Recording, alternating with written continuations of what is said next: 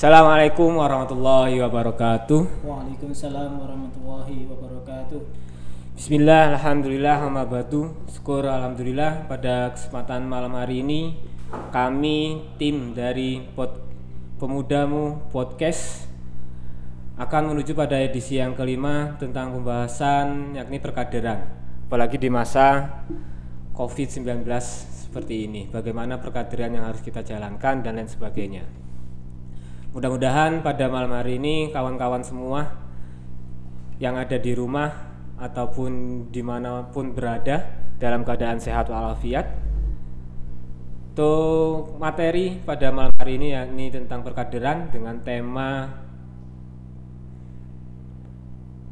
peran dakwah atau kader peran kader pemuda Muhammadiyah dan tantangannya. Dan pada malam hari ini kita sudah bersama dengan Mas Hafid Mustahid. Beliau adalah ketu wakil ketua bidang pendidikan dan perkaderan pimpinan daerah pemuda Muhammadiyah Kabupaten Tegal. Dan tak lupa malam hari ini adalah edisi khusus di mana Kegiatan malam hari ini sudah disponsori oleh SD Muhammadiyah Slawi.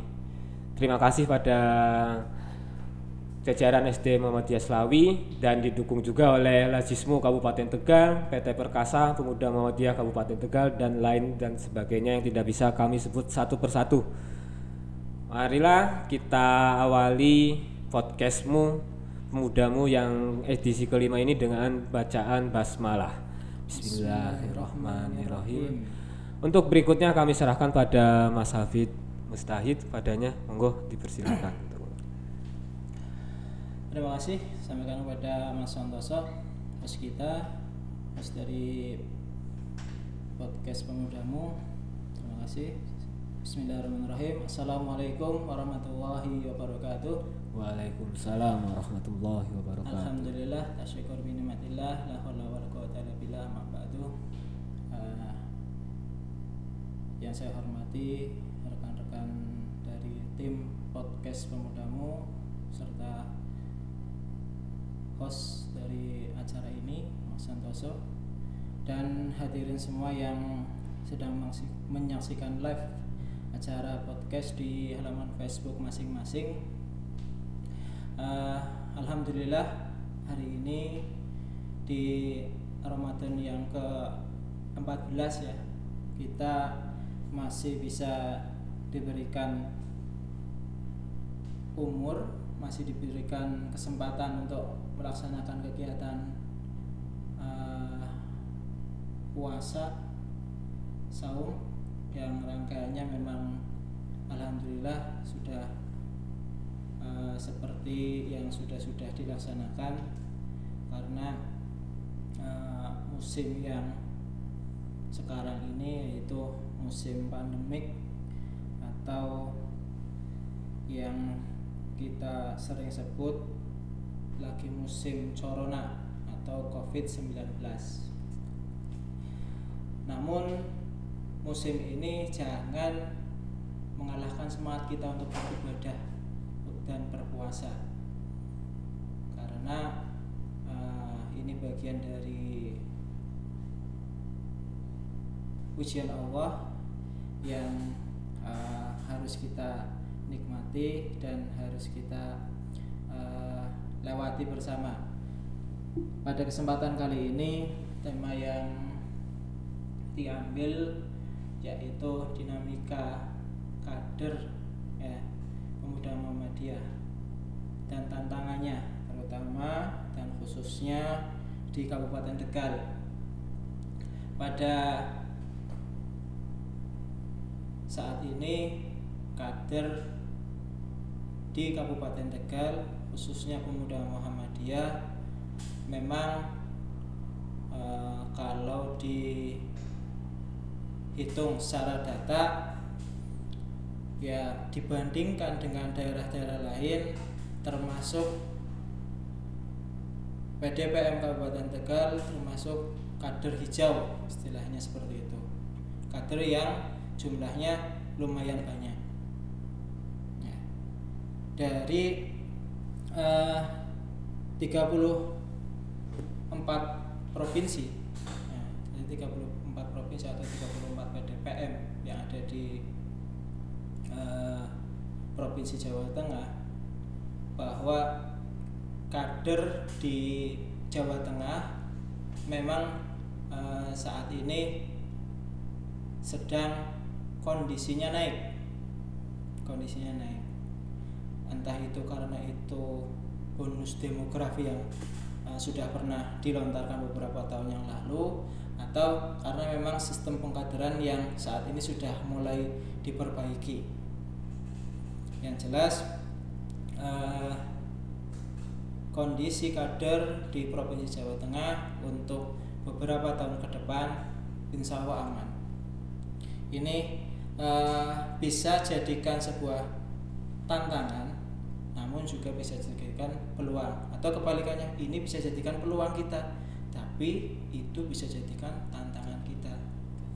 Nah, tantangan kita ke depan pemuda Muhammadiyah itu bukan hanya untuk uh, memperbanyak kader ya tapi mengkualitaskan kader. Saat ini yang menjadi kelemahan pemuda Muhammadiyah adalah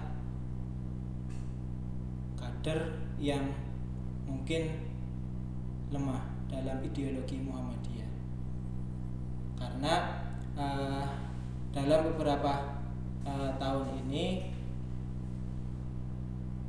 pengkaderan-pengkaderan yang diikuti oleh pemuda Muhammadiyah atau yang dilaksanakan oleh pemuda Muhammadiyah dulu pada saat pengkaderan pertama sebelum ada revisi buku pedoman pengkaderan itu diterbitkan.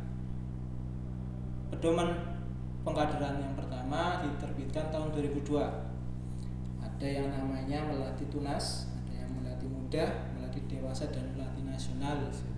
Serta pendidikan instruktur itu yang nanti akan menjadikan instruktur. Namun pada tahun 2012 diadakan uh, silaturahmi antara seluruh ketua kader se Indonesia nah, yang memunculkan uh, pengkaderan diubah namanya menjadi Baitul Arkom Baitul Arkom dengan jenjang. Ada yang pertama Baitul Arkom dasar. Itu biasanya dilaksanakan di tingkat daerah pesertanya yaitu cabang-cabang. Cabang-cabang uh, dari semua cabang di tiap daerah tersebut. Baitul Arkom dasar. Sudah lulus. Itu juga ada kriterianya lulus dan tidak lulus sebenarnya. Tapi yang terjadi di saat ini yang ikut biasanya diluluskan semua. Lulus tanpa syarat. Ya, itu. itu yang sering kita terjadi. Yang akhirnya nanti ketika uh, dia benar-benar uh, menjadi kader uh, dia bingung ketika nanti di pertengahan jalan saya ini posisinya di mana? Saya pengen mendalami Islam cari Islam yang lebih dalam lagi. Padahal uh, pada saat pengkaderan itu memang ya karena di sini kondisinya terbatas kebanyakan teman-teman pemuda itu dari uh, kalangan yang bekerja jadi waktunya tersita ketika kita mau mengadakan yang seharusnya di dalam buku panduan enam hari kita paling bisa mengadakan tiga hari hmm. itu yang mengakibatkan uh, kurangnya pendalaman ideologi ketika dalam penerapan Baitul Arkom tersebut. Ya. Maka dari itu uh, kader yang uh, lulusan Baitul Arkom dasar perlu kita dampingi terus. Kita ada follow up follow up di Sabang follow up di daerah. Tidak hanya sekedar betul Arkom selesai sudah selesai tidak seperti itu. Harus ada tindak lanjut dari setiap kegiatan betul Arkom tersebut. Ya. maka e, tidak ketika nanti kader tersebut berjalan tidak ragu untuk melangkah. Yang terjadi saat ini ada beberapa kawan-kawan kita yang memang uh, kalau uh, di PM ada TM ya ya, ada PM ada TM ada TM 1, TM 2, TM 3 padahal uh, dulu pernah uh, TM 2 pun uh, karena goyahnya ideologi Muhammadiyah tersebut yang akhirnya bisa keluar dari uh, yang sudah bagus yang namanya IPM tersebut. Ya, itu perlu kita uh, antisipasi untuk di pemuda Muhammadiyah juga. Kadang uh, pengkaderan yang diadakan di kita di Baitul Arkom ini perlu adanya penanaman ideologi yang uh, baik, ideologi yang bisa uh, menanam bahwa oh dia sudah uh, seperti ini. Dan ada nanti tindak lanjutnya. Seperti itu. Itu yang pertama betul arkom dasar. Selanjutnya betul arkom madya biasanya mengadakan wilayah. Tapi kemarin hasil meeting zoom dengan ketua dan bidang kader se Jawa Tengah. Nanti daerah bisa mengadakan dengan syarat dan ketentuan yang berlaku. Eh, seperti misalkan jumlah yang sudah BAD sudah banyak. Minimal sekitar ada ya 30-an lah. Atau juga nanti uh, ada yang sudah bisa uh, melaksanakan nanti di list dari pimpinan wilayah. Itu yang nanti akan uh, mungkin saat ini akan digodok dari pimpinan wilayah terkait Baitul Arkomatia tapi nanti akan dilaksanakan dulu dari tingkat wilayah. Ya karena uh, kemarin baru sekitar putusan yang disampaikan oleh bidang kader dari pimpinan pusat Pemuda Muhammadiyah dan direpotkan dengan segenap pimpinan daerah baik ketua maupun bidang kader se Jawa Tengah. Itu. Terus yang terakhir Baitul Arkom Paripurna. Baitul Arkam Paripurna itu yang mengadakan pusat. Ya, Baitul Arkam Paripurna yang mengadakan pusat. Biasanya pesertanya kalau nggak dari daerah ya dari wilayah ya, kalau tadi Arkam Madya pesertanya dari daerah nah, perwakilan daerah, daerah yang diambil dari cabang-cabang yang sudah pernah mengikuti Baitul Arkom dasar kalau Baitul Arkom Paripurna itu pesertanya dari uh, daerah-daerah dari wilayah-wilayah atau e, daerah yang sudah pernah mengikuti Baitul Arkom.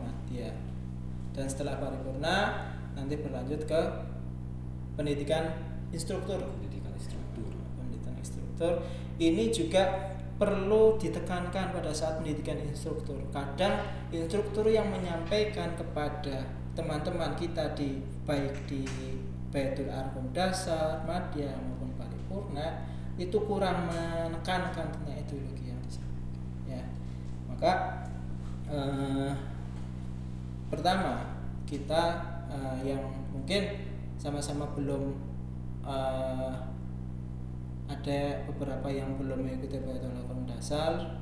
Nanti eh, kita sebagai pemuda yang nantinya ikut eh, mendampingi mereka setelah Baitul Arkom dasar kita harus benar-benar dampingi. Nah, harus ada follow up dan tindak lanjut. Karena tidak hanya sekedar Baitul Arkom yang seharusnya enam hari dipangkas menjadi tiga hari sudah cukup tidak ada program lagi kumpulnya kalau pengajian. Pengajian pun kadang satu bulan sekali ya. Sehingga tidak efektif. iya, seperti itu. satu bulan sekali kalau lagi pas ada acara nggak berangkat. Itu jadi uh, pokok kita untuk mengkader seseorang. Padahal uh, pengkaderan akan berjalan efektif ketika kader tersebut sering kumpul dengan kader yang lain. Itu saling menguatkan. Ketika di sini, oh di sini ada uh, pengkaderan non formal misalkan kumpul-kumpul untuk penggalangan dana itu bagian dari pengkaderan non formal kalau uh, formalnya tadi yang berjenjang dari dari dasar, mutia dan paripurna. Kalau non formalnya kayak kumpul-kumpul kita untuk uh, buat program tim penanganan COVID-19 itu bagian kaderisasi ya. Tapi itu yang non formal itu mungkin uh, sedikit uh, ulasan yang nanti uh, bisa menjadi bahan kita untuk ke depannya bahwa kader di pemuda Muhammadiyah memang saat ini perlu pendalaman ideologi Muhammadiyah. Ya. Saya yakin pendalaman ideologi Muhammadiyah pun seiring beriringan dengan pendalaman ideologi Islamnya. Pertama Islam dulu harus ditekankan Islam dulu. Selanjutnya Muhammadiyah. Dan uh, ketika itu berjalan berdampingan maka uh, kader yang keluar atau kader yang muncul dari Baitul Arqam tersebut insya Allah akan menjadi kader yang ya jadilah kalau jadi atau bisa uh, menjadi penerus dari uh, saat ini. Mungkin itu uh, Mas Santoso sedikit pengantar ya untuk diskusi kita malam ini. Uh, jadi intinya kader Muhammadiyah di Kabupaten Tegal saat ini memang ya untuk beberapa tahun ke depan insya Allah sudah baik cuma titik beratnya adalah di ideologinya ideologi yang perlu kita dalami lagi baik baik terima kasih atas tadi pemantik materi saya kira masih banyak kalau kita bahas tentang sampai ke akar-akarnya tahu tentang perkaderan itu sangat luar biasa sekali. Mungkin tiga hari tiga malam pun belum selesai. Yeah. Harus sambil bertapa harusnya di gunung seperti itu. Tadi disampaikan bahwasannya di Kabupaten Tegal ataupun di Jawa Tengah ini bahwasanya kader yang ada di Jawa Tengah ataupun ini ada sudah bisa disebut sebagai kader hijau. Hmm. Kader hijau ini tadi dijelaskan adalah kader perkaderannya itu yang sangat subur sekali baik dari segi anggota dan lain sebagainya tadi juga dijelaskan bahwasanya banyak sekali tantangan-tantangan yang saya kira bertolak belakang sekali. Yang harusnya enam hari jadi dipotong jadi tiga hari pasti ketiga hari itu pasti dipotong lagi. Tinggal bagaimana kita menyikapinya itu menjadi sebuah tantangan kita sebagai pemuda Muhammadiyah. Nah berikutnya ada pertanyaan. Bagaimana solusinya? Solusi tadi yang saya sampaikan agar yang enam hari itu paling tidak benar-benar maksimal itu misalkan jadi di nggak mungkin kan materi yang enam hari dijadikan diper sempit jadi tiga hari.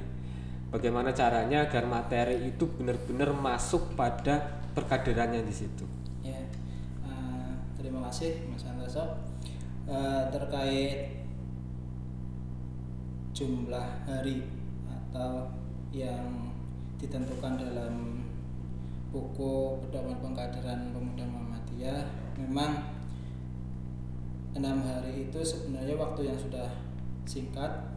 Ya, enam hari sebenarnya waktu yang singkat namun uh, di kita kadang dipangkas lagi menjadi tiga hari karena banyak aktivitas dari teman-teman baik itu yang pegawai maupun teman-teman yang kerja dan lain sebagainya itu mengharuskan tiga hari dan bahkan ada yang tiga hari dipangkas lagi jadi dua hari.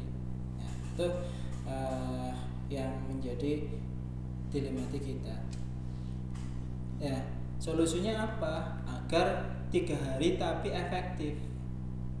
Itu yang nanti akan menjadi menjadi bahan bahasan ketika nanti Baitul Arqam dia ya. Nanti direncanakan beberapa bulan ke depan akan dilaksanakan Baitul Arqam ya. Kalau masih kondisinya seperti ini maka kita menggunakan sistem daring kayak ujian. Menarik sekali. Perkaderan biasa, kan? lewat online ya guys dunia internet. tugas-tugasnya dari online terus juga kegiatannya gitu dari online. Nah itu nanti perumusannya seperti itu. Tapi untuk tadi menyikapi eh, masalah tadi memang ada beberapa solusi. Yang pertama kita terapkan Baitul Arkom tersebut selama tiga hari dengan mode semuanya kita masukkan dengan cara tematik. Tematik. Nah, kayak sekarang kan sekolah sudah tidak bermapel ya untuk SD itu tematik walaupun menjurusnya nanti eh, mapel itu juga tapi ada tematik. Nah, itu itu solusi yang tepat tematik. Perlu ketika kita sedang misalkan eh, ada materi ketauhidan. Nah, materi ketauhidan. Kita bentuk eh, misalkan apa ya ada tugas. Tugas berarti itu bisa meliputi dari ketauhidan ada akhlak atau misalkan materi akhlak terus Al-Quran dan kemudian dijadikan satu dalam bentuk outbound nah, misalkan uh, selebar kertas dilempar uh, itu yang dibuka apa? Hukum bacaan ikrar. Apa ketemu apa? Itu materi Al-Qur'annya oke komedian tujuannya apa? Tuh jadikan satu itu. Outbound yang itu mengerucut menjadi materi yang tanpa terasa mereka oh ini yang namanya uh, kemuhammadiyahan ini yang namanya Al-Quran ini yang namanya Tauhid. Kadang orang yang uh, ketika kita berbicara serius dia tidak nyambung. Iya. tapi ketika kita uh, ajak dia bermain entah itu outdoor bermain. iya maka dia akan masuk. Nah itu solusi yang tepat ketika yang enam hari dipangkas menjadi tiga hari. Maka kita harus bisa mengemas yang tiga hari itu menjadi kemasan yang bagus. Seperti itu. Mungkin itu untuk solusi yang saat ini perlu kita terapkan dan kita laksanakan nanti ketika laksanakan Baitul Arkom Pasar Santoso Tadi menarik sekali ada Baitul Arkom secara daring. daring, saya belum sampai kepikiran ke sana. Daring itu nanti seperti apa ini, bagaimana penugasannya, apa misalkan ketika ada materi semuanya menyimak bisa mungkin bisa lewat seperti ini juga podcast nanti materinya tiga hari itu full mungkin podcast. Selanjutnya nanti si peserta diminta untuk tugas-tugas yang diberikan oleh Iya. instruktur yang ada seperti Betul, itu. Nah, mungkin ada sisi kelemahannya ini tantangannya juga malah lebih sangat luar biasa di daring kalau dengan menggunakan metode daring seperti ini. Eh, tadi memang kemarin saat kita zoom meeting dengan pimpinan wilayah dan pimpinan pusat bahwa sangat mungkin sekali diadakan tapi eh, memang banyak kelemahannya. Nah, tadi kelemahannya tadi kita nggak saling bertemu tidak saling tatap muka yang akhirnya kadang ketika mode daring tersebut banyak yang meremehkan. Iya betul Nah, banyak yang meremehkan. Ah paling tugas itu nggak ada yang eh, Bukan ada apa-apa. nggak ada yang melihat ya Gitu. kalau model ketemu kan ada pemaksaan. Misalnya hari ini tugas ini dikumpulkan. Kalau eh, Baitul Arkom mati kan harus ada makalah tiap hari makalah ini. Terus eh, karya tulis ini. Ah, itu. Kalau yang kemarin memang dibahas sempat ada pro kontra karena eh, kondisi yang ada seperti ini mengharuskan bahwa ya dalam kondisi apa pun tetap pengkaderan harus jalan Pengkaderan tetap Iya. jalan. jangan eh, dibiarkan pengkaderan berhenti karena kondisi seperti ini maka eh, akhirnya pimpinan wilayah eh, saat ini berencana menggodok untuk kegiatan Baitul Arkomadia nanti dengan mode online atau daring. Eh, nanti saya sendiri memang lagi coba tanya-tanya kalau kemarin sudah sedikit dibuka yaitu model penugasan ya. Ada tugas yang disampaikan oleh instruktur dikerjakan dalam waktu sekian eh, menit dikumpulkan kembali dalam bentuk foto atau bentuk Google Form seperti itu. Ya, menarik sih sebenarnya. Tapi itu tadi penekanan untuk ideologinya itu yang bisa eh, menjadi pertanyaan kita. Nah, sampai atau ya tidaknya nah, Itu tadi sudah dijawab penuh oleh Mas Hafid Mustahid. Untuk berikutnya, barangkali dari teman-teman semua yang ada di rumah mau bertanya ataupun bertanya bisa langsung saja di kolom komentar Facebook. Barangkali masih mumpung masih ada waktu sekitar 5 menit lagi. Seperti itu. Oke tadi disampaikan bahwasanya dari Baitul Arkom, dasar, madya hingga ke paripurna ini menjadi apa ya sesuatu yang baru bagi saya waktu di pemuda Muhammadiyah kebetulan dulu pernah aktif juga di IPM. Kalau di IPM itu ada TM1, TM1 itu tingkat cabang, TM2 daerah, TM3 wilayah dan TM utama di tingkat pusat seperti itu. Nah ini jadi pertanyaan, lah kok langsung ke daerah ya orang?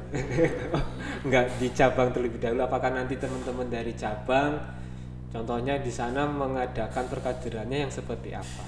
hmm, Kalau di IPM kan, mohon maaf, kalau di IPM kan ada perkaderan paling utama itu kalau nggak salah namanya fortasi di Iya. sekolah-sekolah forum taruh dan orientasi siswanya itu itu perkaderan yang paling utama di IPM itu seperti itu. Tapi kalau di pemuda Muhammadiyah Muhammadiyah itu seperti apa?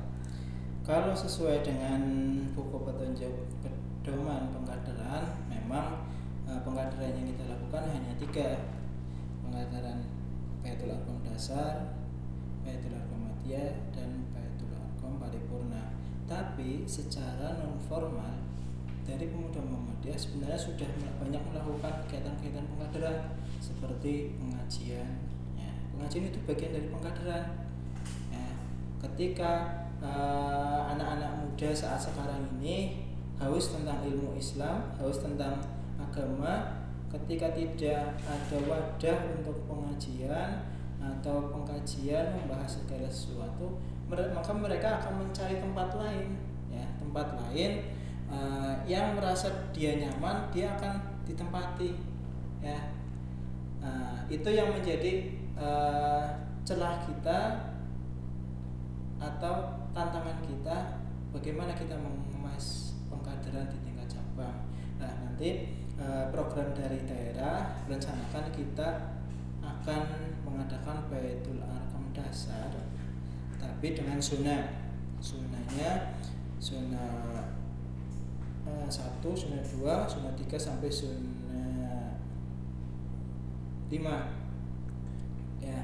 Eh, kalau nanti bisa nanti jadikan lima zona tapi kalau waktunya terbatas kita jadikan tiga zona wilayah utara nanti ada Tukuturi, Adiwarna, Talang dan eh, Keramat serta nanti Suradadi nanti jadikan satu baunya ada 18 nanti kita jadi kalau waktunya cukup kita jadikan lima tapi kalau tidak cukup kita hanya jadikan tiga waktu saja. Eh, wilayah utara, wilayah tengah dan wilayah selatan. Ya jadikan tiga. Dengan porsi ses- sesuaikan. Misalkan di utara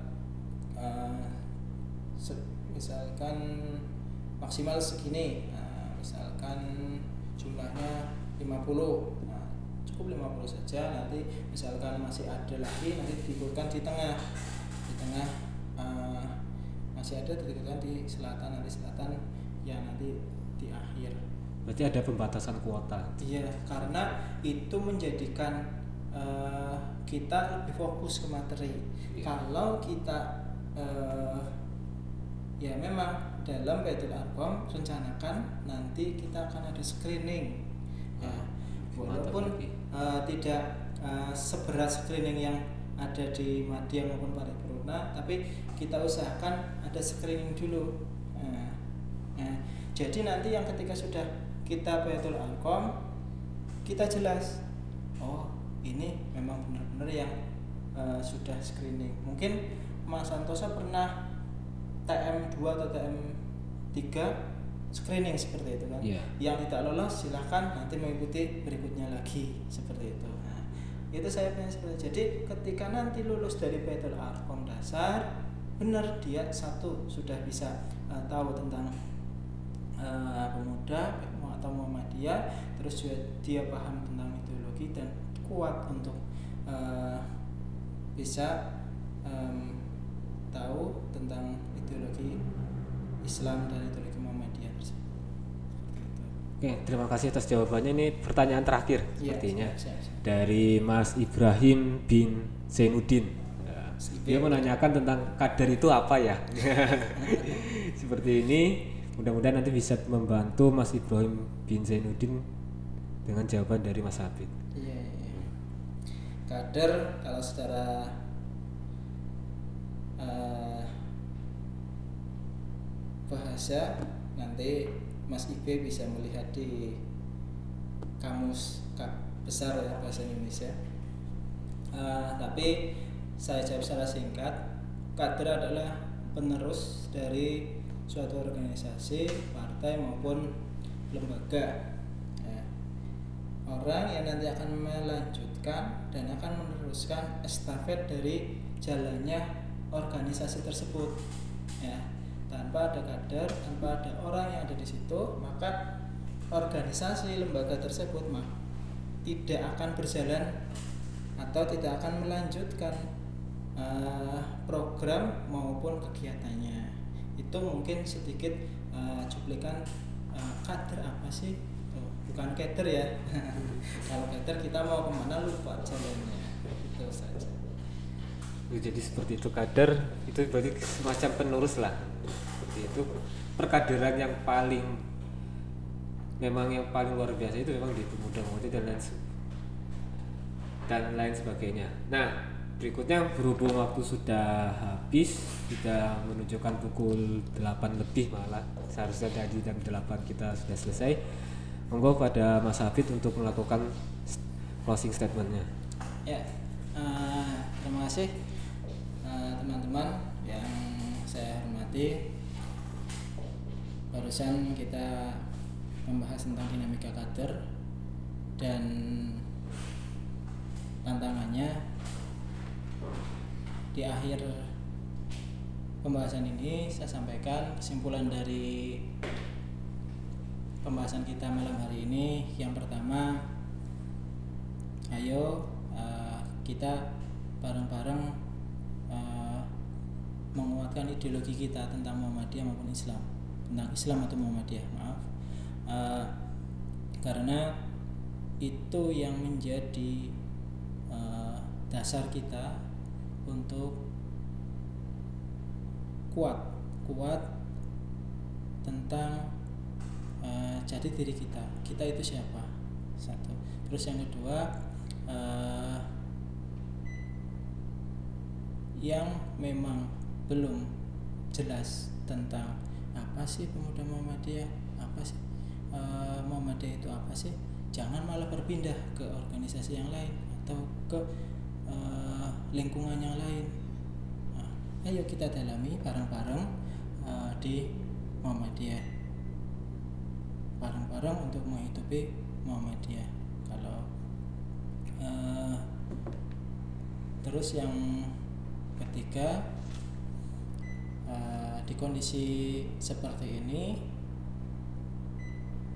kita sebagai kader jangan diam tetap ada kreasi dan inovasi untuk melanjutkan program kerja dari pemuda Muhammadiyah atau program kerja dari tiap-tiap eh, personal em, anggota kader Muhammadiyah tersebut.